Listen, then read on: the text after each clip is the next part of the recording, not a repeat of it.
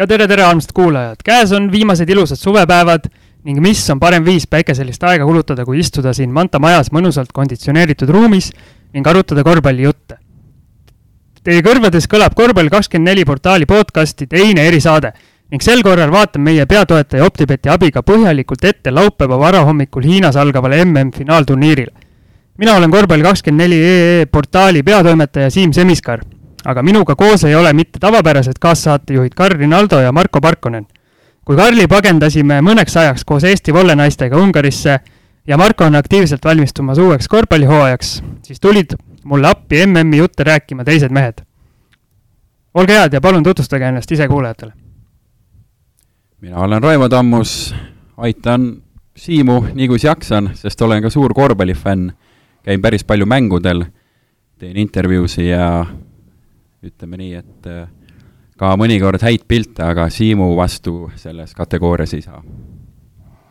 tere ka minu poolt, äh, mina olen Marko Lehtme ja nagu siin teisedki inimesed, siis olen ka mina suur korvpallifänn, ütleme umbes nii viisteist aastat juba, et äh, jälgin korvpalli ikkagi ütleme igapäevaselt ja, ja see, see sportmäng mind köidab eriti, et, et, et äh, ütleme nii, et see on mu üks põhikirg. et see mm on nüüd algamas, et mehed, et kui palju teie sellist nii-öelda koondise korvpalli jälgite ja kui suur sündmus maailmameistrivõistlused teie jaoks nagu on? no kui USA on platsil, olgu siis heas või halvas koosseisus, mina suure NBA fännina, USA fännina, vaata peaaegu et patrioodina olen ikka siis alati teleka ees ja noh, loomulikult Serbiale hoian pöialt ja Eestile ka, kuigi nad MM-ile seekord ei saanud veel.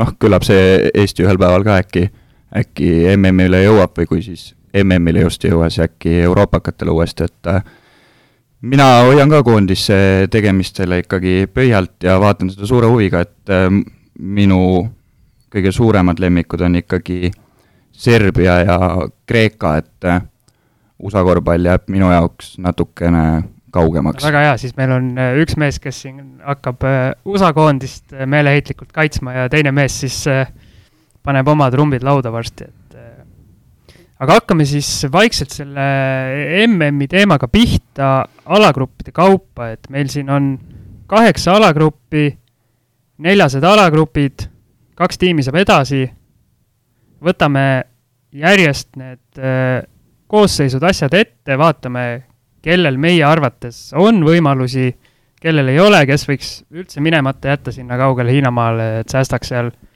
säästaks seal maksumaksjate raha, aga nii, A-alagrupp on meil siis Hiina, Poola, Venezuela ja elevandiluurannik, et mehed, et äh, Optibet äh, väidab, et Hiinal ja Poolal on sisuliselt võrdne võimalus äh, alagrupi võiduks Hiina koefitsient on siis kaks koma null, Poolal kaks koma kolm hetkel, Venezuelal seitse kakskümmend viis ja elevandiluuranniku koefitsient on nii suur, et seda numbrit ma ei hakka isegi ütlema siin. et mis teie arvamus on, et eh, kas see on Hiina ja Poola alagrupp, et kas lähevad edasi nemad? ma ütleks isegi, et äh, see on natuke võrdne alagrupp. Äh, mina olen välja toonud, et Poola marsib siit edasi aga hiinlastel äh, võib tekkida raskuseid, sest äh, nad ei oska võib-olla elevandiluurannikult ja, ja Venezuelat eriti midagi oodata. nimesi neil eriti ei ole, aga mine tea, võib-olla lõhuvad sama hästi mängida, nagu Angola tuleb oma suhteliselt suvalise koosseisuga alati. aga kui palju Hiinat aitab just see kodupublik või see on see nii-öelda kõrbemise oht, et Marko, mis sa arvad? eks see ole niisugune kahe otsaga asi, et äh, seal võib olla nii üht kui teist, et kodupublik teatud juhtudel kindlasti annab äh, võistkonnale sellist äh, lisapowerit juurde, et äh, aga samas oleme näinud ka teistsuguseid hetki, kus mehed lihtsalt kukuvad kokku, et ei pea sellele suurele pingele ja rahva ootusele lihtsalt vastu. nii, hetkel mina ei õn-, minul ei õnnestunud Hiina, Hiina koosseisu veel leida, lõplikku koosseisu. minul, minul mina ka ei leidnud. et tea, kas mehed hoiavad nagu viimase hetkeni, viimase hetkeni saladuses, et kellega nad sinna välja tulevad. noh, kuna Hiina rahvaarv on nii suur, siis võib-olla nad veel valivad, ei tea. jaa, mingi ei ole. noh, see on nüüd küll uudis, uudis, mida korvpallisõbrad ilmselt äh, ei teadnud. aga ma siin vaatan, et poolakad on äh, saanud endale tagaliini niisuguse mehe nagu H.I. Slaughteri, kes on, ütleme siis, sisseostetud tüüp, et võtakski korra selle teema juba varakult lauale, et kuidas teie suhtute sellesse, et FIBA lubab siis seda ühte äh, nii-öelda sisseostetud mängijat koondistes ka? ma arvan, et äh, vaadates, kuidas kõik muud turud on avad, ava, avaliini, eks, eks ole, et NBA-sse tuleb juba igalt poolt sisse seal tugevasti üle, üle saja mängija võrreldes USA meestega, miks mitte ei võiks ka koondises olla, et Riho Soonik on siin juba kümme aastat või rohkem rääkinud, et tooge üks pikk must sisse ja hakkame nagu toimetama. aga see on ikkagi ju need rahvuskoondised, et kui, miks noh, võiks ju jääda, üks asi on klubikorvpall ja teine on koondiste korvpall, et miks meil on vaja see, et see, kellel kõige rohkem raha on, see saab ennast nii-öelda võõraste sulgedega ehtida? no aga see võiks olla kodakondsusega inimene, et ta ei aga pea see... olema otseselt sisse ostetud. ei, aga seal ostetaksegi see kodakondsus, antakse antakse nii-öelda suurte teenete ees äh, riigi, riigile täiesti suvalistele meestele iga aasta erinevale mehele kodakondsus ja ongi justkui kodakondsed ju, ega ilma passita mees ei pääse peale. ütleme nii, et äh, see teeks võib-olla korvpallielu natukene põnevamaks.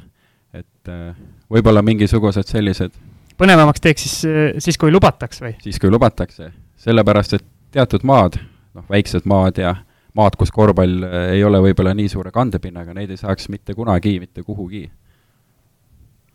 noh, küllap seal, ma arvan, oleks see, et kui sinna ka tuleks see üks äh, välismaa mees juurde, kes siis nii-öelda ära kodustatakse, et ega see siis ei pane seda elevandiluurannikut kuidagi paremini mängima, et ta küll võib aidata neid teatud äh, liinides kuidagi edukamalt toimetada, aga üleüldises plaanis ma olen pigem seda meelt, et kui meil mängis siin Bamba Fall, et kui ta oli siin juba, oleks siia jäänud ja oleks mänginud siin aastaid edasi, et, et või näiteks Howard Fryer oleks täna viisteist aastat noorem, et ja ta on siin olnud pikka aega, et ja ta on seotud selle riigiga, siis see, see oleks nagu niisugune nagu asjade loogiline käik, et niisama passi andmist kellelegi ma nagu päris õigeks ei pea. No see sinu variant selle vastu vist väga keegi ei olegi, et kui tõesti mees, ma ei tea, kas siis abiellub Eestis või jääb siia elama, nagu siin Breyer või mõned teised mehed on jäänud, et siis see tundub nagu kõik loogiline, aga, aga toome näiteks need Balkani maad, kes ongi niimoodi, või siis Türgi näiteks, neil ongi öö, mitmele sellisele ameeriklasele antud passid ja siis vaadatakse, kes parasjagu kuskile turniirile tulla saab ja see võetakse kaasa, et see ju ei ole päris okei okay või no.. Raivo ikkagi vist äh, siin äh, pilgud ja nooled lendavad mu poole, et on okei okay, või?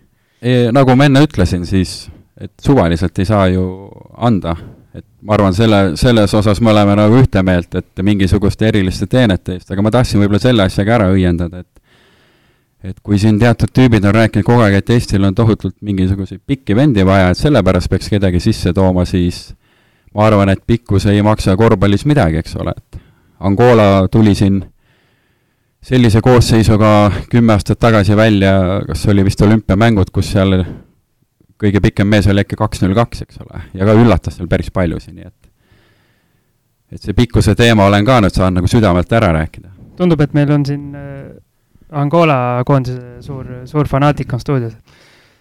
Türgi koha pealt veel või noh, tegelikult neid suurriike on veel, kes on endale ikkagi välismaalt seda jõudu hankinud, ma ütleks, et ikkagi niisugused Euroopa mõistes täitsa suured korvpalliriigid, et nende puhul tundub see nii-öelda välismaalase kodustamine kuidagi eriti kummalisena, et, et su mängijate põld peaks olema niivõrd lai, et sealt ikkagi peaks olema neid valikuid piisavalt, et et ma ei, nagu sellistel juhtudel jääb see nagu lüke minu jaoks pisut arusaamatuks aga mul õnnestus vahepeal leida Hiina, Hiina koondise koosseis, kellega nad MM-ile tulevad, et ei olegi liiga suur saladus. ühesõnaga, kõik mehed Hiina liigast, kõige kuulsam mees on siis Yi Yin-Lin või kuidas iganes. jaa, just, NBA mehena sina tead neid hääldusi paremini. ülejäänud mehed, ütleme nii, et minu jaoks on, on kõik tundmatud mehed, et äh, naastes siis selle alagrupi juurde, et äh, kas Hiina-Poola, mida suudab Venezuela, et Venezuela koondise koosseis ka mul ees, siin on suuremas enamuses on küll koduliiga mehed, aga siin on äh, üks Iisraeli liiga vend Maccabi Haifast, kaks Argentiina liiga meest ja üks, üks Prantsusmaal mängiv äh, madalamates liigades mees, et äh, on neil, on neil power'it Hiina ja Poola vastu? ma ütlen nii, et Poola marsib kindlalt edasi siit. Hiina, kuna sa ütlesid, see Jian Lian mängib seal, kes on ju ka Netsis olnud ja eelmine suurturniir ta tegi jälle nii head mängu, et taheti NBA-sse ära tirida, aga kuidagi ta ei püsi seal ja kui me üldse Hiina liigat vaatame, see on rahakas liiga, sinna lähevad eh, nii-öelda NBA pensionärid eh, neid, neile siis nii-öelda veel kooli ja show'd tegema, ma arvan, et sealt eh, võib päris häid üllatusi tulla, elevandi luurannik ma võimalusi ei näe ja Venezuela võib asja huvitavaks teha oma kogenud mängijatega, et keskmine vanus on seal kolmekümne peale. Ma olen ka Raivoga nõus selles suhtes, et äh, siin võivad tulla mingisugused mängud, kus asi läheb natukene teravamaks, aga üleüldises pildis ikkagi ma ei näe Venezuelal või siis elevandiluurannikul selles alagrupis erilist varianti, et elevandiluuranniku koosseisus äh, naljaks öelda, aga kõige, kõige nimekamas klubis äh, mängiv mees on siis Makedoonia Skopje esindaja, et see vist räägib ka enda eest. noh, Makedoonia on suurturniire mänginud, et mingi lootus neil ju on. noh, siin on ka nii-öelda Gruusia liigast üks mees ja Hispaania madalamatest liigadest ja siis on terve, terve rida on oma koduliiga, et äh, ei ole vist, ei ole vist rohkem rääkida elevant, elevandi luurannikust midagi. kas ja. ma mäletan valesti, aga elevandi luuranniku Äh, koosseisus vähemalt äh, turniiri koduleheküljel oli selline mees nagu Dion Thompson, kes äh, mängis Žalgirises. ahah, vot see on selle mehe ma vist leidsin isegi üles, aga näed okay., unustasin ära. aga kui palju see muudab, kas see muudab midagi, kui üks mees ei mängi veel meeskonna eest. okei okay.. nii, aga vähemalt siis on, mida vaadata. ma arvan, et küllaltki võrdseid lahinguid võib näha seal. nii, lähme edasi. B-alagrupp Venemaa, Argentiina, Lõuna-Korea, Nigeeria. et äh, kiirelt siis OpTibeti arvamus ka, kes on pannud äh, selgeks, no ütleme selgeks favoriidiks Argentiina koefitsiendiga üks koma kaheksa, Nigeeria on äh,, ma ei tea, kas üllatuslikult või mitte, koefitsiendiga kolm koma viiskümmend viis, hetkel siis number kaks favoriitidest ja Venemaa koefitsiendiga kolm koma kaheksa on siis justkui jäetud hetkel alagruppi kolmandaks. Lõuna-Koreale sisuliselt mitte mingeid võimalusi ei pakuta, et kuidas, kas nõustute, ei nõustu, et kes Argentiina, Nigeeria, Venemaa kolmikust siit edasi võiks minna? noh, äh, küllaltki head ennustused on. ma vaatasin ise ka, et Argentiina ilmselt paneb selle grupi suhteliselt kindlalt kinni. Neil on äh, kogemused siis jällegi et isegi äh, vana Luis Cola, ma vaatasin, et tuleb jälle platsile. on jah, kolmekümne üheksa aastasena kaptenina kirjas, et ja Argentiina on nagu selles mõttes huvitav meeskond, et nad ei ole kunagi ka selle pikkusega hiilanud, millest ma rääkinud olen siin juba eelnevalt ja alati on nad hästi mänginud ja mõnikord isegi väga hästi. et neil pikemad mehed on seal kaks null kuus ja, ja nii edasi, eks ole. Neil on kaks, kaks kümme meest ka hetkel, hetkel koosseisus, kuigi jah, kumbki ei ole nagu äh, esimese suurusjärgu. ma arvan ka, et need saavad võib-olla seal lõpus mõned minutid, kui mängud on ära tehtud, aga Venemaa ja Nigeeria koha pealt ei, ma olen täiesti nõus, et Nigeeria tuleb äh, päris korraliku koosseisuga välja. Neil on seal pikad jõulised mehed, vaatame, palju seal NBA mehi oli, kas oli kaks lausa või? Nigeerias või? Äh, Nigeerias on kõvasti, kõvasti. San Antoniost on ja seal on Portlandist ja just, just seal on äh, NBA mehed on kohal ja Venemaa tegelikult on saanud ka siin kontrollmängudes nii kõvasti pähe, et äh, natuke on kurb isegi vaadata, meie naabrid ometigi. noh, Venemaa puhul kindlasti mängib suurt rolli ka see, et äh, Aleksei Šved on puudu, et et aga ma isegi julgeks pakkuda, et et Argentiina läheb sealt grupist kindlasti edasi, aga et Nigeeria on teine võistkond, kes sealt edasi saab, et venelased peavad arvatavasti siis leppima alagrupi turniiriga.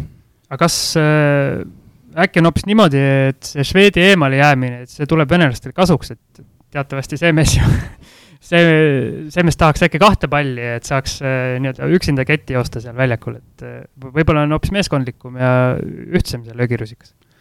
jah, et ma olen äh, küll suur NBA fänn, aga ma ikkagi olen pannud, et Venemaa läheb raskustega edasi ja, ja Nigeeria jääb välja ja just sellepärast, et koosseis on hea ja ühtlane, nad võivad selle mängu leida, kuid oleks neil Moskov, siis nad oleksid raudselt edasi.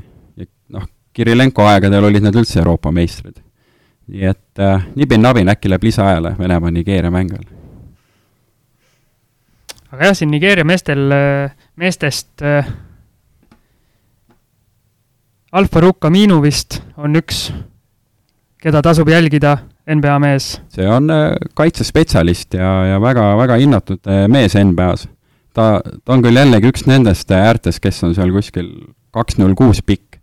et, et sellest pikkusest ütleme nii, väga palju ei arvata, välja arvatud Carmel Lone ja, ja Ben Wallace ja veel mõned erandid, aga ta teeb metsikult musta tööd ja sellepärast jõudis ka Portland nii kaugele, pluss oma viskekahurid omal ajal isegi eelmine hooaeg olid nad päris heas hoos veel.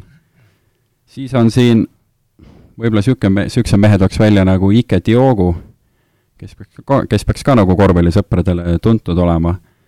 ja, ja siis seesama Josh Okogie, äh, mul on hea meel, et Nigeeriast ei võeta siis NBA-sse ainult selliseid pikkasi mängumehi, nagu ma ei tea, üheksakümnendatel enamasti Euroopas vaadati, et mida pikem, seda uhkem, ma ei tea, kas mängida ka oskab, vahet ei ole, tule aga nüüd on, see mees on näiteks meeter üheksakümmend kolm pikk ja rõõm on näha, et Aafrikast tuleb siis ka tagaliini mehi NBA-sse.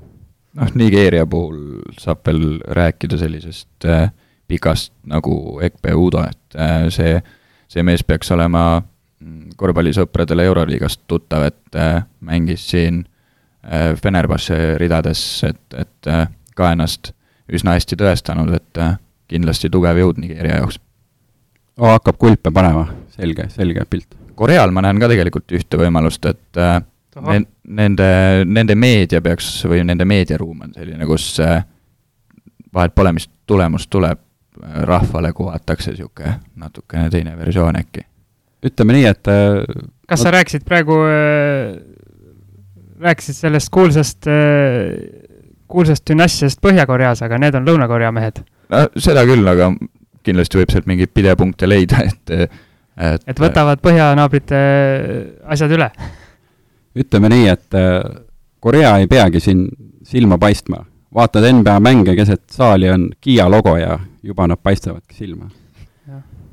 NBA mees leiab ikka, isegi Lõuna-Korea koosseisust leiab mingi rõõmsa hetke, aga ma tooks veel Nigeeriast välja niisugune mees nagu Stan Okoye, et äh, see võiks ka olla Eesti, Eesti korvpallisõbrale veidi äh, veidi tuttavam vend, kellega siis äh, kas oli Siim-Sander Vere mängis Vareses koos, eks? vastab tõele minu teada, jah. et äh, see mees äh, on ka rünnakul päris, päris terav pliiats, vähemalt äh, need aastad tagasi oli, et praegu peaks olema mine-, olema Gran Canaria mees uuest hooajast, et siis äh, justkui nagu ka Vene, Vene jalajälgedes liikumas. no eks ta teeb äh, kõike järgi, mida Vene hästi on teinud, jah ja veelgi paremini, tema on MM-il ja Vene ei ole. nii, aga tõmbame B-alagrupi asjad ja jutud lukku ja lähme edasi C-alagrupiga. nii, C-alagrupp, kus meil on Hispaania, Puerto Rico, Iraan ja Tuneesia. et eh, noh, ilmselt ei pea eraldi rääkima, et et Hispaaniale panustades äh, suurt raha teenida pole võimalik, koefitsient üks koma null kaks, ehk siis äh, peaks olema isegi ilma mängimata edasi ja ja ülejäänud kolmikust hinnatakse vähemalt OpTibetis kõige suuremaks Puerto Rico võimalusi, et mehed, mis teie arvate? see on äh, minu hinnangul on natuke isegi üllatav, sest see ei ole see Puerto Rico, kus Carlos Arroyo ja Daniel Santiago lammutasid.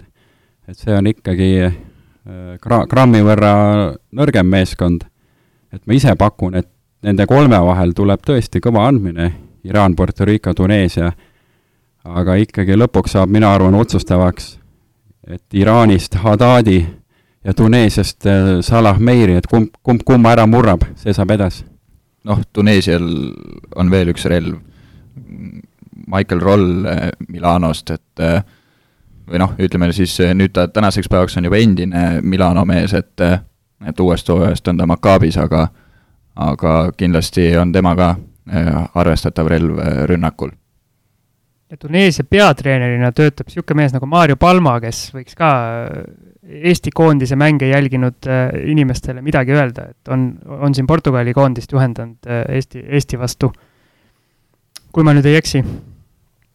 aga noh, Hispaania, kuidas kommenteerime koosseisu? ma, ma ütlen võib-olla ühe asja, et mul on kurb meel vaadata, et ei ole Pau Gasooli, noh, arusaadavatel põhjustel, mehel, mehel vigastus, eks ju, eelmisest hooajast, vanus on ka turjal, aga noh, vaieldamatult eh, minu lemmik läbi, läbi aastate Hispaaniast, koos Jorge Carbosaga, kuna neid mehi seal ei ole, siis ma lihtsalt jälgin nii-öelda distantsilt.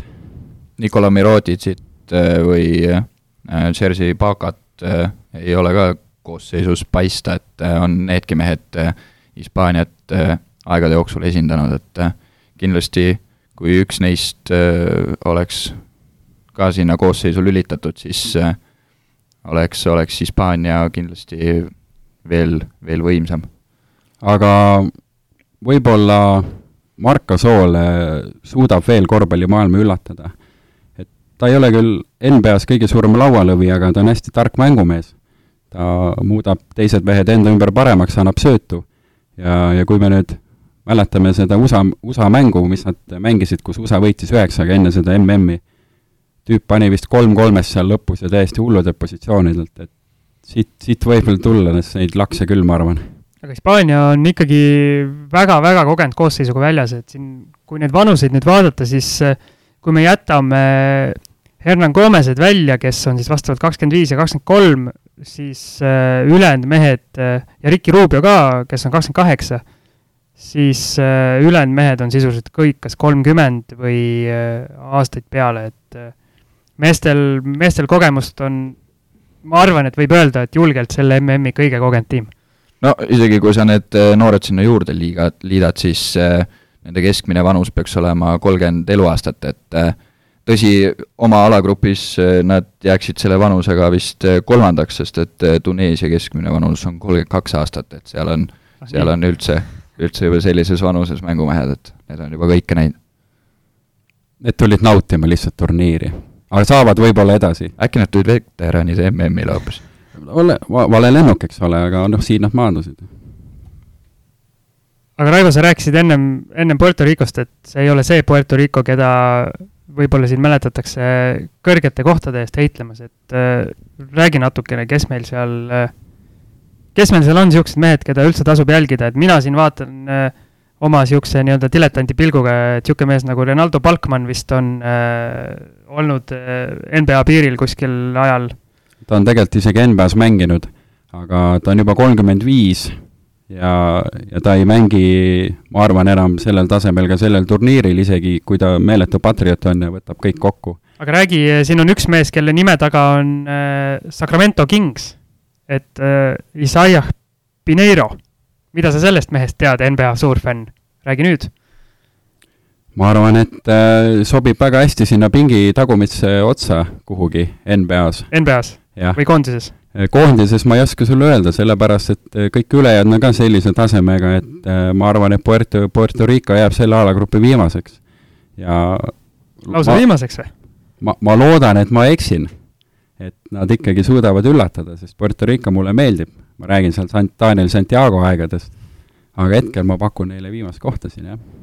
noh, Puerto, Puerto Rico puhul äh, lisaks Arroyole peaks äh, Puerto Rico passi omama ka selline NBA mees nagu JJ Barea, et äh, mis põhjustel tema eemale nüüd jääb, äh, ma täpselt öelda ei oska, et äkki, äkki siin NBA ekspert NBA... soovib kuulajaid valgustada, et NBA ekspert saab kõvasti puid praegu.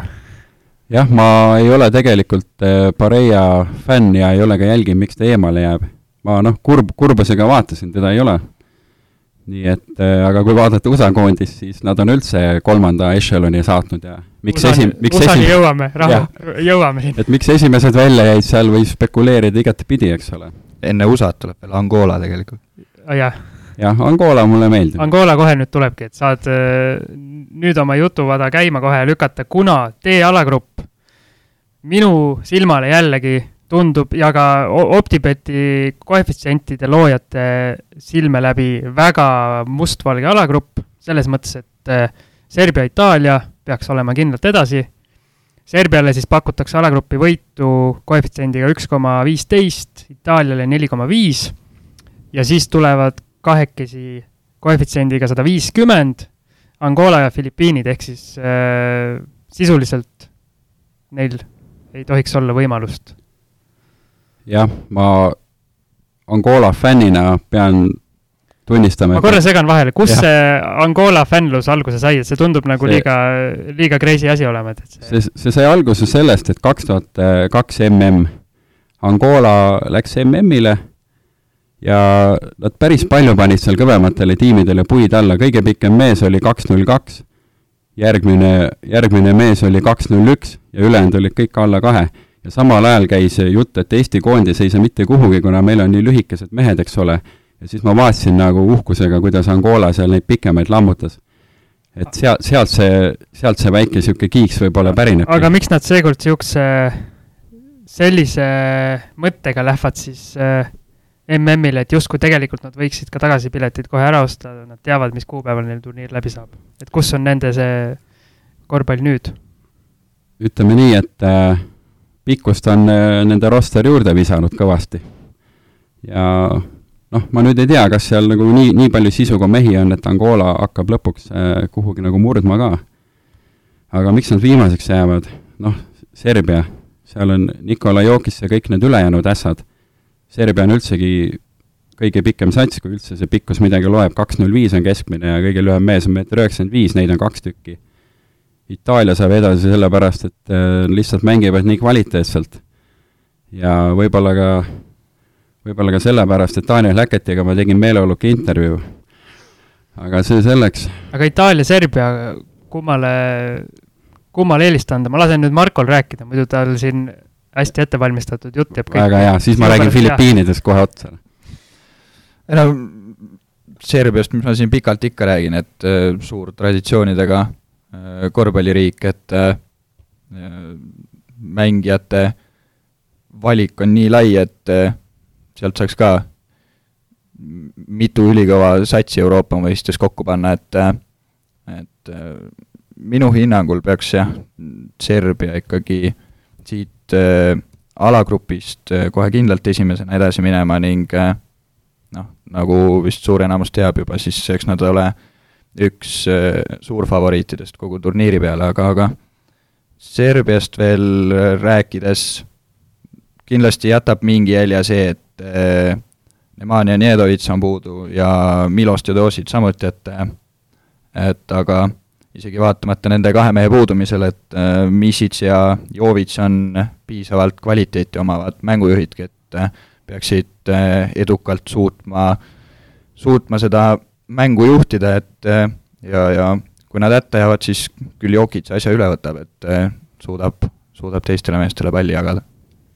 ma korra toon niisuguse huvitava asja, et ma siin hakkasin vaatama koosseise ja selleks, et eh, no ütleme nii, et Serbiast, Itaaliast ilmselt saab ka turniiri edenedes rohkem rääkida, aga selleks, et Filipiinid ja meie kuulus Angola ei jääks liiga vaeslapse ossa, siis mina tahaks näha, kui need kaks koondist kohtuvad, siis vist ei tahaks väga viis-viis mängu näha, vaid äh, ma paneks väljakule Angola poolt Yannick Moreira, kes on äh, nende kõige kuulsam mees kindlasti.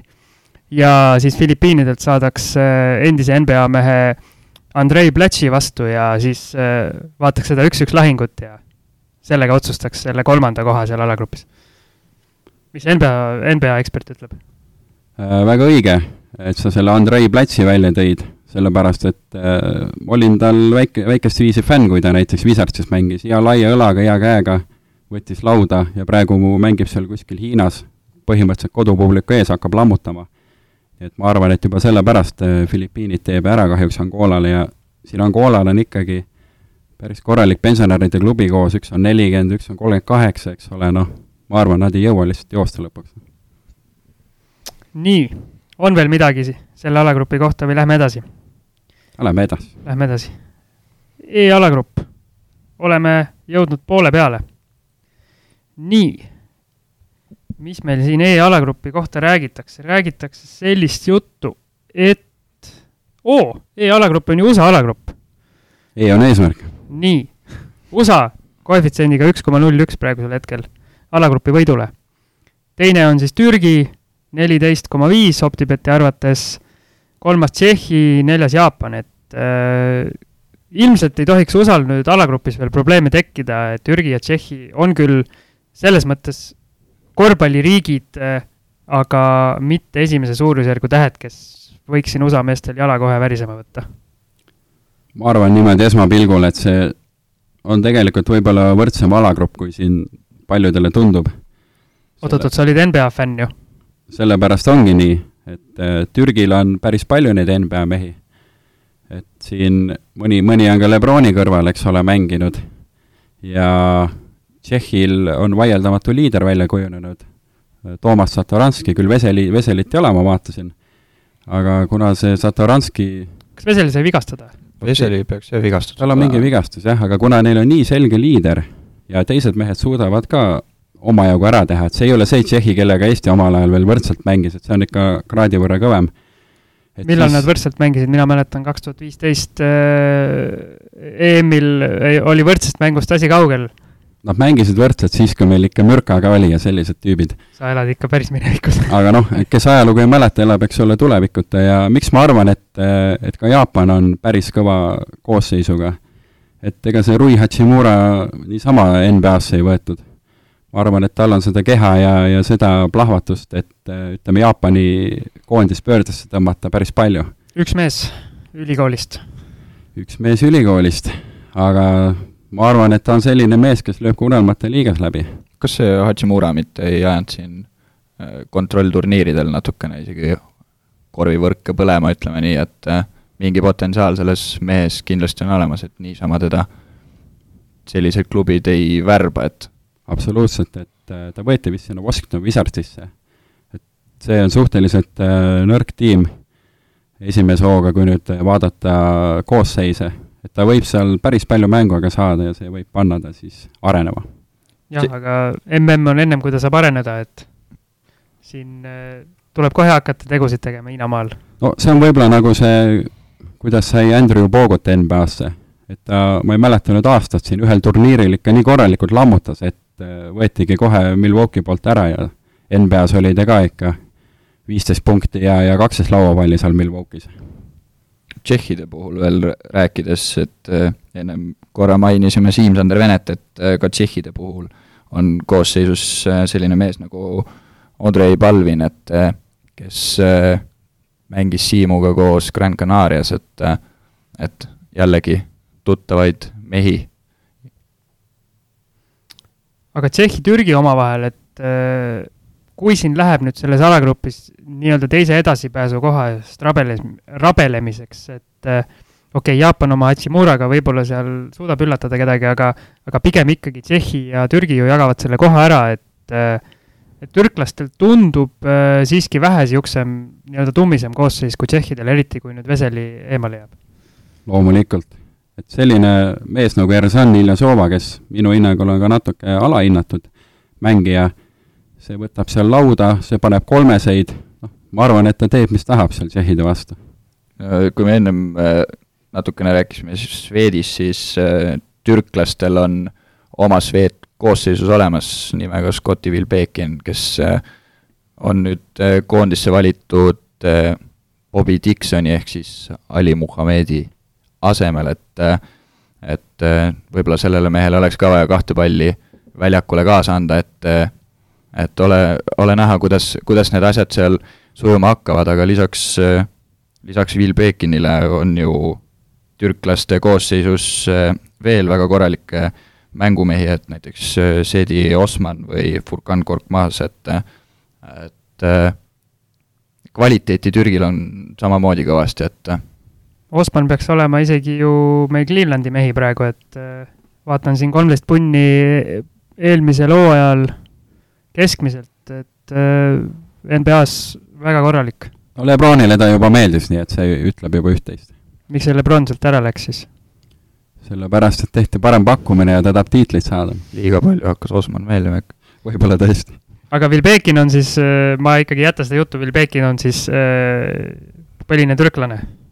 Et siinkohal ma tegin siis kätega neid jutumärke, kes aru ei saanud. türklaste koha pealt veel siis äh, suhteliselt äh, võib-olla vähetuntud nimi, aga inimesed, kes äh, Euroliigat on rohkem vaadanud, siis teavad, et äh, türklaste satsist leiab sellise, sellise mehe nagu Melih Mahmatoglu, et äh, see mees, kui saab oma visketunde kätte, siis võib nii mõnegi mängu ära tassida, et aga lähme edasi. oot, oot, oot, oot, USA-st ei räägigi. ei, ei vastupidi, lähmegi edasi, et rääkisime kõik muu ära. Türgist ja... on veel rääkida tegelikult. veel tahad Türgist Muidugi. rääkida? et äh, tegelikult on neil üks äh, huvitav puuduja ka, et äh, Enes Kanter, kes ma julgen arvata, ei tea, kas tulebki enam kunagi Türgimaale. tahetakse vangi panna. et dissidendide elu on võib-olla selline jah, Türgis aga see on siis otsene, otsene koht, kus poliitika sekkub sporti, ma saan aru. jah, ja see võib neile maksta mitte küll alagrupi edasipääsu ilmselt, aga võib-olla mõne hea rasvasema koha seal ülevalpool.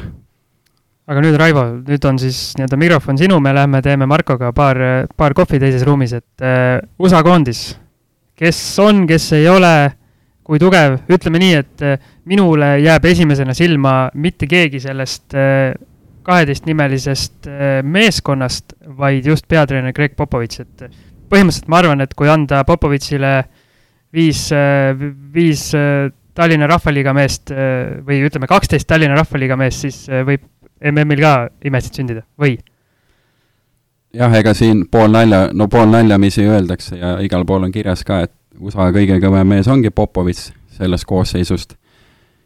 Ja mis see, mis see ajalugu siin ütleb, kaks tuhat kaks said nad pähe, kaks tuhat kuus said nad pähe, kaks tuhat neli olümpial said pähe ja, ja kõik need koosseisud, kellega nad pähe said, tegelikult äh, nimede poolest äh, olid kõvemad kui see, mis siin välja on pandud. et kaks tuhat kümme neil äh, tuli suhteliselt kindel turniirivõit kus seal oli noor Durant vedas seda üle kahekümne kahe silma mängus, kõik ülejäänud mehed, kes seal olid, need panid selgelt alla kümne. Et see oli nii-öelda nagu ühe mehe ja hea, hea kaitsesatsi meeskond, aga see, mis meil siin praegu on, see on Popovitši meeskond, kes üritab siis äh, nendest äh, meestest, kes talle antud on, imet teha, siin päris paljud räägivad, et USA on jube noore koosseisuga väljas, tegelikult ei ole väga noor koosseis, keskmine vanus on kakskümmend kuus. Et äh, ma ei ütleks, et seal väga palju neid verinoori on, seal võib-olla on selliseid ennast äh, vähe tõestanud mehi, mis veel silma hakkab äh.. Aga saan ma aru, et sina arvad, et äh, selline ilma esimese järgu staarideta koondis võib isegi olla Popovitši käe all just äh, isegi tugevam? Nad võivad olla tugevamad, aga ma ütlen, neil on väga suured miinused. enne kui ma plussideni jõuan, ma loen need miinused ette sul on lausa kirja pandud? mul on lausa kirja pandud. kui USA koondis on ikka silma paistnud päris hea niisugune perimeetri kaitsjana ja nad on reeglina päris vähe kulpe pannud statistiliselt, sellepärast et nad võtavad palli enne vahelt ära, siis see koosseis praegu kaitses ja vahelt äh, lõigete poolest on suhteliselt kehva, pluss nad kaotavad palju palli. Nad ilmselt äh, võib-olla ei tunneta üksteist veel nii palju või siis üritavad natukene liiga ilusaid lahendusi leida igastahes. pall neil käes ei püsi, siis võib-olla sellised mehed, kellest mina ootaks rohkem, Middleton ja Jason Tatum on natuke tagasihoidlikud, et kui Tatumist siin hooaja sees räägiti, et et selle mehe võib siin vahetada Anthony Davise ja ma ei tea veel, kamba mingisuguste nii-öelda teise, teiste rollimängijate vastu, siis mina küll ei ütleks, et tema aktsiad praegu nii kõrged on, et ta ei ole, ta ei ole eriti edasi arenenud, mõni mäng on seal kuue punkti peal ja kasutegur vaatad, et ei olegi nii väga kõva. noh, enne rääkisid Star Powerist, Star Powerit ei ole neil tõesti isegi kui Allstar vaadata, seal on neil, eks ole, Kemba Walker on kõige, kõige nimekam mees. Walker peaks olema just niisugune pigem niisugune mängujuht, kes äh, ei vaata neid oma punkte nii väga, vaid tõmbab meeskonna käima või, või mitte. Volker vaatab oma punkte ka, et äh, kui sa, kui sa jälgid, kuidas see mees äh, läbi läheb ja ilusaid kolmeseid viskab, igasuguseid äh, ütleme, akrobaatilisi elemente oma pikkuse kohta seal korvi all teeb, siis ta ikkagi on päris palju ka keskendunud skoorimisele, kuid loomulikult ta jagab ka palli päris hästi. et siin võib-olla üks, üks pluss nagu pealtnäha on see, et seal mängib neli Bostoni meest, et nad võiks justkui olla päris hea löögirusikas. aga need on sellised mehed, kes ei ole eelmist hooaega kõik koos mänginud, et Walker alles ju võeti näiteks sinna, eks ole, seal on Jalen Brown, Tatum, need nagu omavahel klapivad päris hästi. ja Markus Smart ka, aga Markus Smart oli natuke vigane, et siin on näha, ta teeb igast trikiviskeid, küll viskab üle pea kolmesid ja nii edasi, on ju, aga mängus keegi ei viska selja tagant üle pea kolmesid. aga siin on üks väike pluss on ka lisaks sellele, et see koosseis on ühtlane, et ühtlased löögirusikad, need eh, reeglina võidavad turniire, et Miles Turner, kellest eh, siin paar, paar, paar hooaega tagasi oodati, et eh, et kuna see Paul George läks ära, et nüüd on Turneri meeskond ja Turner hakkab superstaariks, et ta ei ole seda siiani teinud, ta on seal kuskil neliteist, kolmteist, neliteist punkti viskab mängus, eks ole, võtab seitse-kaheksa lauda et kaks ja üksteist pika mehe kohta, kes ka kulpi korralikult paneb, see ei ole mingi lauapallide arv, aga just siin selles tiimis äh, ja kontrollkohtumistest on siin viisteist lauda niimoodi kätte saanud. et äh, kui nüüd Turner selle asja ära teeb ja kui natukene pannakse ka sellist meest rohkem platsile, nagu on Brook Lopez, ta on niisugune kaks kolmteist, äh, sada kolmkümmend viis kilo, loobib sealt kolmeseid kuskilt sealt äh, meetri poole teise kauguselt veel kolmese joonelt, et kui seda venda osataks ka rohkem ära kasutada, siis äh, USA-l on äh, väga suur šanss ikkagi see asi kotti panna. aga ma vahepeal äh, tõmbasin Marko ka jälle käima, muidu ta siin uinub ära, kui sa seda pikka monoloogi pead. et kes peaks olema see mees, kes võtab USA koondises selle nii-öelda liidrirolli, et viimast, viimaste sekundite visked ja üldse tassib seda võistkonda, kui on jama majas? ma tahtsin alguses vastata Greg Popovitš, aga ta ei saa visata, et, et ma ei oskaks niimoodi välja tuua ühest nime, ma pigem pakuks, et USA koondise kõige suurem tugevus on see, et seal ei ole seda star power'it nii-öelda, et see on, see on ühtne võistkond, kellelt äh, paljud ei ootagi võib-olla erilist tulemust ja neil on kogu seda turniiri mõnevõrra lihtsam mängida, et niisugune äh,, niisugune ühtsuse asi on see, ma arvan, mis äh, võib lõpuks USA ikkagi kanda selle ihaldatud tiitlini, et äh, küll neid äh, viskemehi seal mängu lõppudes jagub küllaga, et, et ma ütlen, USA suurim relv on see, et nad võiksid mängida väga võistkondlikult. sa ütlesid, et neil võiks olla lihtsam mängida, aga kas ei ole mitte nii, et ükskõik mis koosseisus USA, USA platsile jookseb kuskil korvpalli suurturniiril, et siis neil on eh, ikka, ikka ja alati on see nii-öelda taak küljes, et kui nemad kaotavad, siis kogu maailm näitab näpuga ja naerab. eks ta kindlasti ole, aga ma siiski jään oma arvamuse juurde, et, et võib-olla neile andestataks lihtsamalt, kui sealt tulebki mingi väike äpardumine, et äh, kulla asemel tuleb leppida näiteks äh, hõbedase medaliga, et äh. Raival on siin pikemat aega näpp püsti nagu Edgar Savisaar, saarel kuldsetel päevadel, et mis sa tahad öelda? jah, näed, sain sõrme püsti, saingi sõna kohe. ma tahtsin seda öelda, et kui siin keegi viskama hakkab ja seda vaja on, siis ilmselt on ikkagi Donovan Mitchell kui ta parasjagu pealt ei ulata. ja, ja siis on seesama ikkagi Kemba Walker. et äh, Jason Tatum ei ole pigem see mees, kes endale hullult äh, suudaks viskekohti luua. Ta ikkagi ootab seal kuskil ja saab palli, sageli on ka Jalen Brown selline mees, Chris Middleton siin äh, on suhteliselt kimpus oma viskega olnud, et ta on selle Giannis Antetokounmpo nii-öelda parem käsi seal Milwaukee Bucksis, aga ma arvan, enne, enne viskab need kolmesed ära selline, selline mees nagu isegi Derek White, kui, kui hakkab seal Tatum lõpuks lammutama, aga ma väga loodan, et ma eksin ja Tatum teeb selle hüppe arengus edasi ja, ja, ja et, et ta oleks tegelikult selle Mitchell'i ja Kemba Walkeri kõrval see kolmas mees, et eriti loodetakse tema puhul, et ta, et ta läheb ja murrab ka läbi. tal on päris hea, hea raam ja ja ta võiks see läbimurdja olla, aga ma tahtsin ühest mehest veel rääkida. see on Mason Plumley, et kaks üksteist pikk, enamasti istub ta NBA-s pingil, pakub korralikke vahetusminuteid, võtab, võtab natuke lauda ja söödab hästi. Et kui kedagi võtta ei ole koond-, koondisesse, siis Plumley tuleb. saab jälle mingisuguse medali kaela ja ja ta ei ole isegi mingisugune superstaar, kaugel sellest, allstar ei ole. ta ei ole isegi oma meeskonna staar, aga USA koondises ta on kohal. just sellepärast, et kedagi ilmselt võtta ei ole, ta söödab väga hästi. just, just täna salvestamise päeval äh, avaldasime Marko sinu artikli ka MM-i nii-öelda eelvaate siis, kus äh, sõna saavad meil Eesti, Eesti kohalikud äh, korvpallieksperdid, et seal vist tundus, et oli läbiv joon, et ikkagi usutakse USA võitu? noh, ma ikkagi pigem ütleks, et äh, noh, Otto Oliver Olgo jäi suhteliselt äh, endale kindlaks, et äh, USA võtab selle ära, Howard Fryer oma loomuse poolest ja sealt, kust ta pärit on, on samuti eeldatav ju, et et ta usub ameeriklastesse et aga, aga kindlasti nende kõigi puhul oli ka see, et äh, mis võib-olla artiklis äh, ei, ei kajastunud, et nad äh, siiski näevad väga, väga teravaid lahinguid tulemas, et kas sealt just väljub USA otseselt võitjana, noh, seda näitab aeg.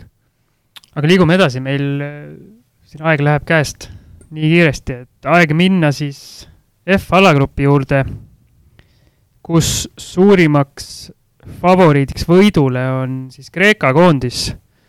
Koefitsiendiga OpTibetis üks koma kaks, teisele kohale on pandud hetkel Brasiilia, koefitsient kuus koma viis, järgmine on Montenegro kaksteist koma seitsekümmend viis ja Uus-Meremaa alagrupi võitu nii väga ei oodata, et noh, Kreeka on teada, neil on valitsev eh, NBA kõige väärtuslikum mängija, et eh, kas kuulsa nimega Giannis Antetokounmpo suudab eh, oma koondise viia võidule?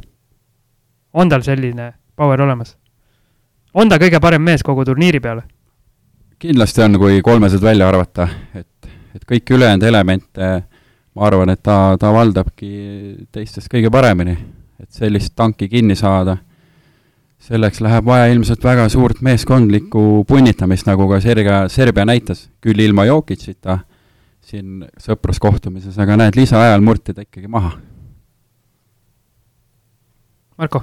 Kreeka puhul ma arvan, et äh, võib äh, üheks suureks äh, faktoriks saada see, kas Kostas Loukas näiteks mängib, et seal on hetkel suure küsimärgiga tema osalemine, et küll siin käis meediast läbi, et mees teeb päevas seitse tundi trenni, et äh, ikkagi MM-iks äh, konditsiooni saada, aga aga hetkel on tema osalemine veel lahtine.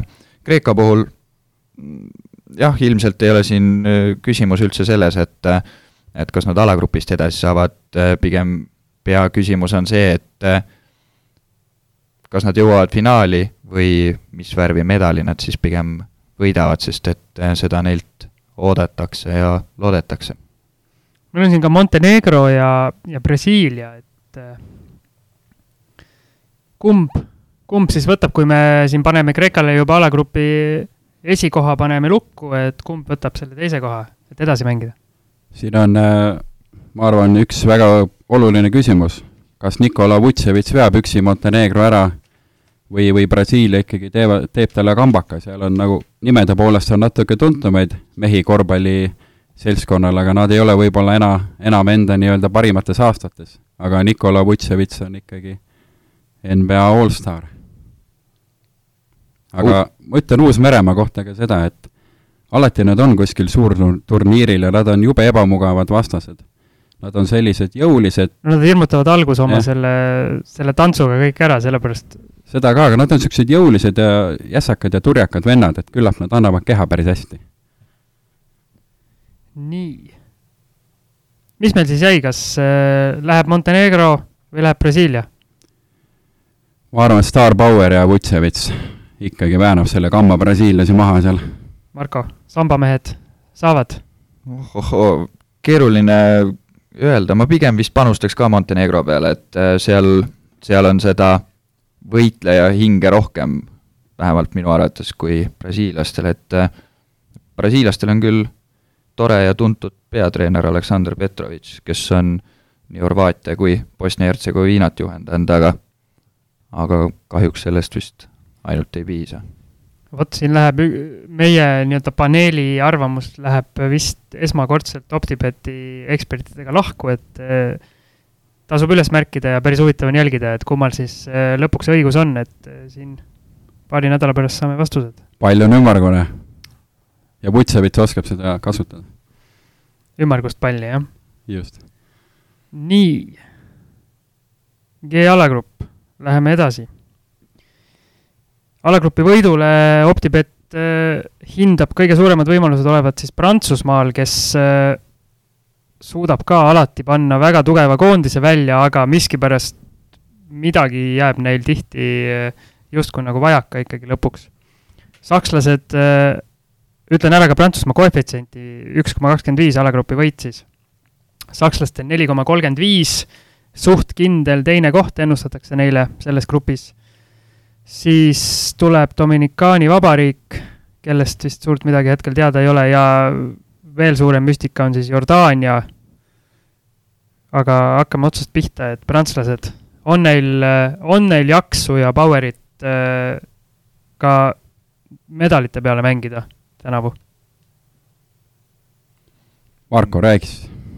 noh, siin äh, rääkida, nii nagu koefitsiendid laias laastus ütlevad, siis Prantsusmaa, Saksamaa on siin grupis kindlad favoriidid, tõsi, saab huvitav olema, turniiri alustuseks kohtuvad need võistkonnad kohe omavahel, ehk siis äh, Prantsusmaa, Saksamaa, et äh,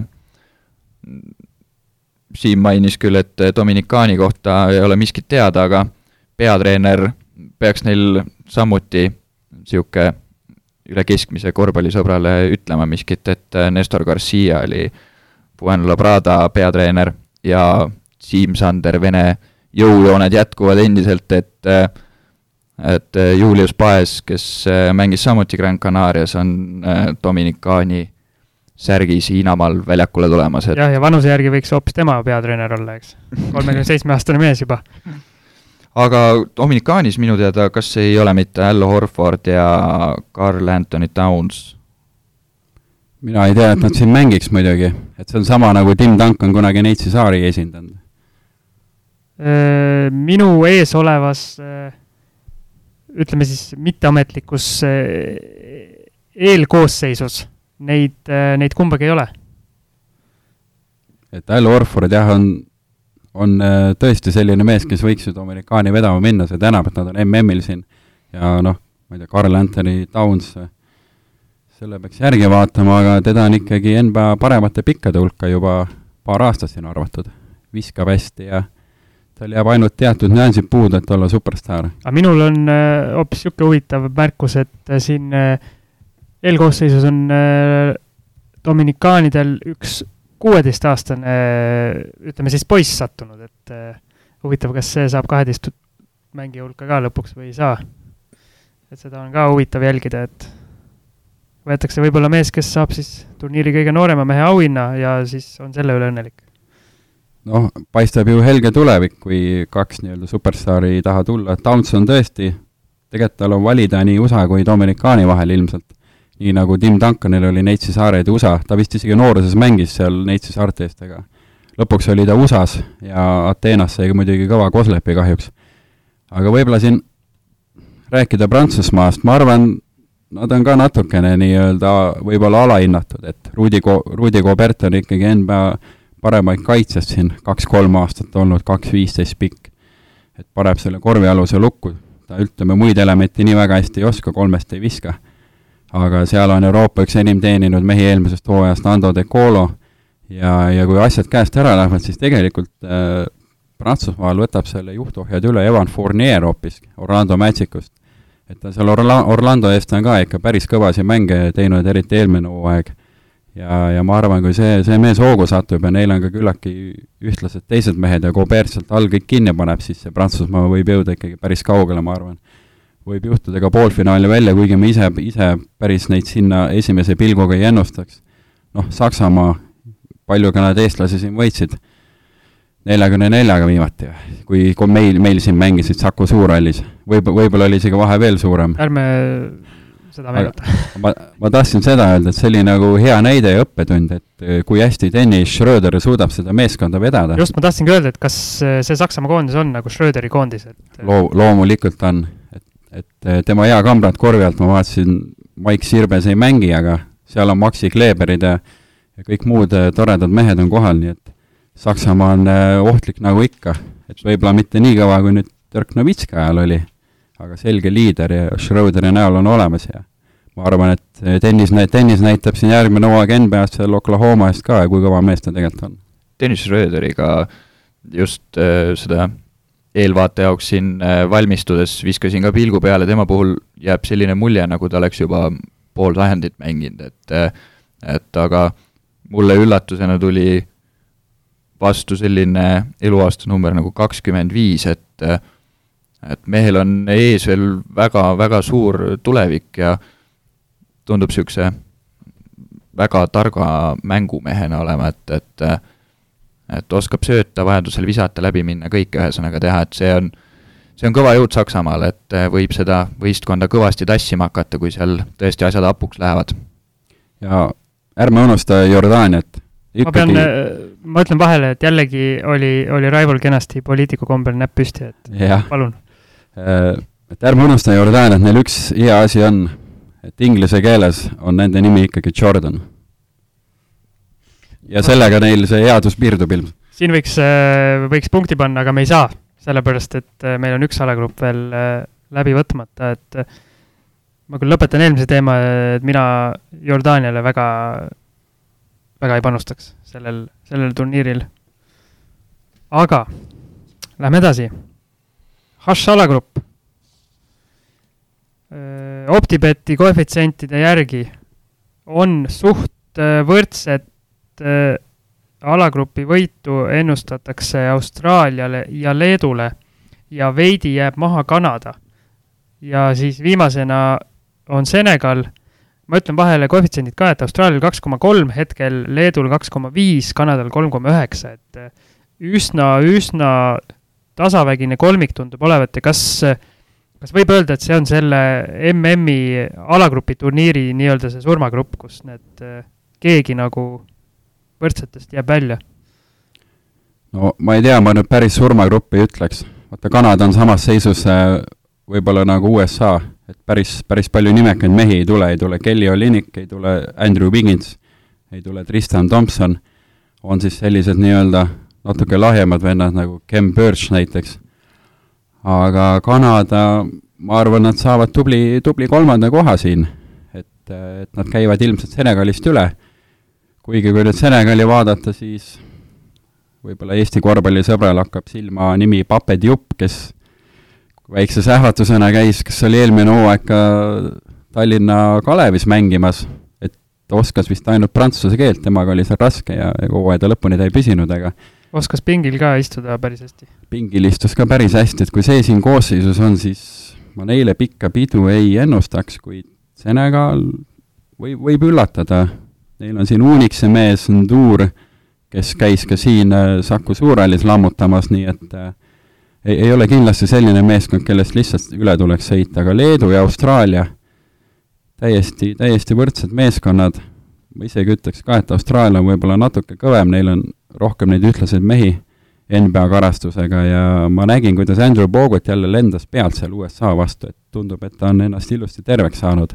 mina tooks Austraalia puhul üldsegi välja niisuguse mehe nagu Patty Mills, kes äh, on ju väga, kuidas ma ütlen, ta on, temale sobib Euroopa korvpall vist äh, ülihästi, et äh, talle nõus, meeldib nõus. liider olla, aga NBA-s ta ei ole esimese suurusjärgu täht, aga Euroopas tundub, või siis ütleme, Austraalia koondisest eh, tundub, et tal see mäng nagu lippab nagu eriti hästi. noorema mehena vaadati, et nüüd tuleb, hakkab NBA-s ka kolmkümmend paugutama, aga ma ei teagi, ta sattus eh, Popovitši käe alla, Spursi, tehti selliseks paraja pikkusega pliiatsiks ja mingit kolmekümmet sealt küll ei tule. aga Leedu puhul raudvara Jankunas on jälle kohal ja, ja ma arvan, nüüd Tomantas Sabonis saab näidata, et kas tema on äh, ikkagi parem mees Indianat esita-, esindama põhikoosseisus kui Miles Turner, et lauas on ta kindlasti tubli ja, ja ma arvan, et see võiks olla noore Sabonise ja, ja Valanciunase meeskond. aga mis meil on, äh, Leedu on just niisugune sats, et kes äh, alati no ei saa öelda alati, aga reeglina võtab oma koosseisust sisuliselt maksimumi, et väikeriigina neil alati mängijaid on ja suudetakse ka oma resultaat tavaliselt ära tuua, et kuidas seekord see vaade võiks olla?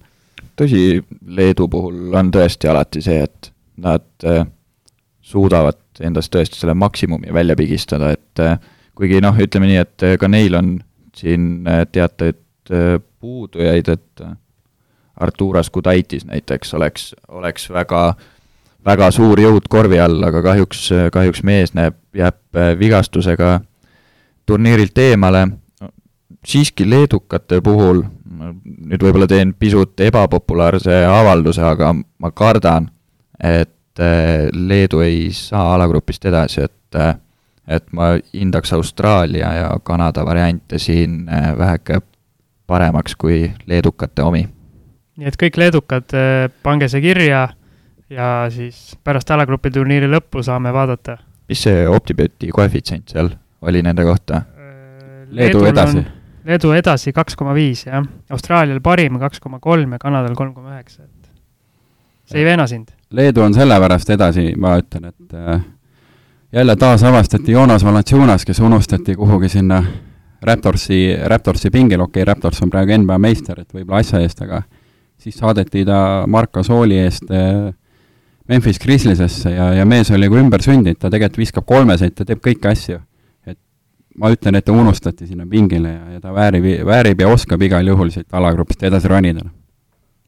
aga ma arvan, et nüüd me oleme kõik alagrupid läbi käinud, meil on juba, ma vaatan arvutist, juba suts üle tunni on see asi kestnud, et äh, hakkame vaikselt otsu, otsi kokku tõmbama, aga ennem kui lõpetame, vaatame ka veidi kaugemale kui see alagrupi turniir, et vaatame üldist võidukoefitsiente, kellele siis, vähemalt OpTibeti eksperdid, kellele kõige suuremat, suuremat edu julgevad ennustada, et USA koefitsient võidule, kogu turniiri võidule siis, on üks koma viis ja Serbial teisena neli koma kaks, et edasi tulevad siis Kreeka üksteist koma kakskümmend viis, Hispaania neliteist koma seitsekümmend viis Prantsusmaa kakskümmend viis ja edasi tulevad järjest Austraalia, Leedu, Argentiina, Kanada. et äh, võib vist selle pildi järgi öelda, et äh, finaalis USA-Serbia või? noh, see, see oleks mõnevõrra üllatuslik, kui need võistkonnad ei kohtuks omavahel finaalis, et äh, noh, ma ütlen, Kreeka on, on üllatusvõimeline, aga, aga siiski ma, mina isiklikus plaanis ei näe neil nagu väga äh, väga suurt varianti siin äh, ei USA ega Serbia vastu, et, et äh, ja teistest siis rääkimata, et äh, küllap need eelpool mainitud kaks võistkonda ikkagi finaalis omavahel kokku saavad. ma arvan sama ja ma nagu südamest loodan, et et Antetokounmpo seal kolmanda koha mängus paneb Marko Sooli ilusti korralikult postrile ära ja, ja võtavad selle pronksmedali, et et siis Hispaania ilmselt hakkab ka natukene rohkem liigutama ja ja oma nii-öelda kogenud koosseisu kõrval hakkab ka natuke nooremaid mehi otsima. nii, ja teeme siis viimasena ennustuse ka, et äh, te küll ütlesite nii-öelda pika jutu sees ära, mis te arvate, aga ütleme konkreetselt, esimene, teine, kolmas koht, kes need saavad olema Hiinas? kui ma ei eksi, siis viisteist september on finaal ja pronksimäng oli samal päeval. et äh, kes see esikolmik saab olema siis? paari nädala pärast vaatame üle ja vaatame, kes kõige täpse, täpsemini pani? ma ütlen selle välja siis, USA, Serbia ja Kreeka ja Popovitš siis peab selle enda õlule võtma, selle auasja.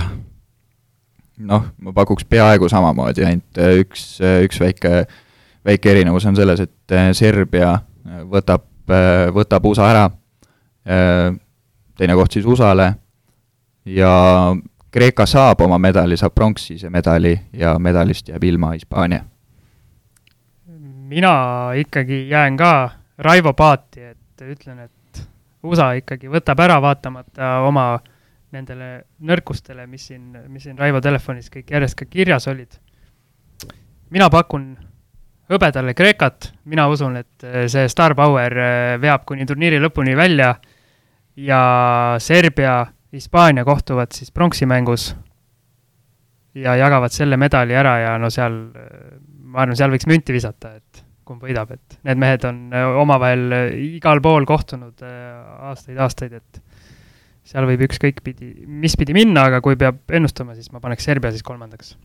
ehk siis USA, Kreeka, Serbia on minu ennustus ja viimane küsimus, kellest saab äh, turniiri skoorikuningas, kes võtab selle, selle punkti viskamise siis oma koondises kõige rohkem enda õlule, et ta on hiljem kõige suurem skoori, skoorimees. sa pead siis lihtsalt points per game nii-öelda. Points per game, jah. noh, ma, niisugune kindel valik tundub olema Antetokumpo, et äh, siis äh, Jaanis, ütlen mina, et äh, see on tõenäoliselt see mees, kes äh, enim võrke sahistab seal. Võtame väikse niisuguse klausli, et jätame need, need tiimid võib-olla välja, kes siin piirduvadki ainult alagrupi mängudega, et seal võib ju mõni mees, nagu me siin selgitasime, et võtabki palli enda kätte ja loobibki viiskümmend pealeviset mängus, et jätame need mehed välja, et võtame siis, kes ikka play-off'i välja jõuavad.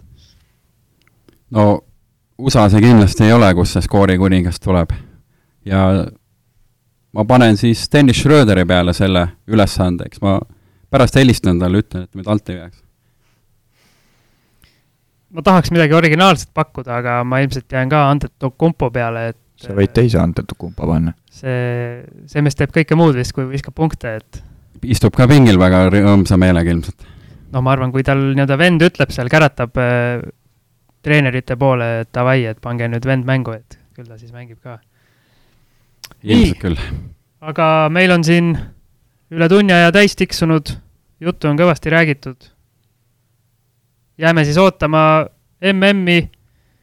podcast on uuesti eetris septembri algusest, siis toome tagasi ka Karli ja Marko korvpallisaalidest, võrkpalli- ja korvpallisaalidest siis ütleme niipidi. ja kuulmiseni! tšau kõigile Raivo poolt! kõike paremat teile ja vaadake siis ikka korvpalli MM-i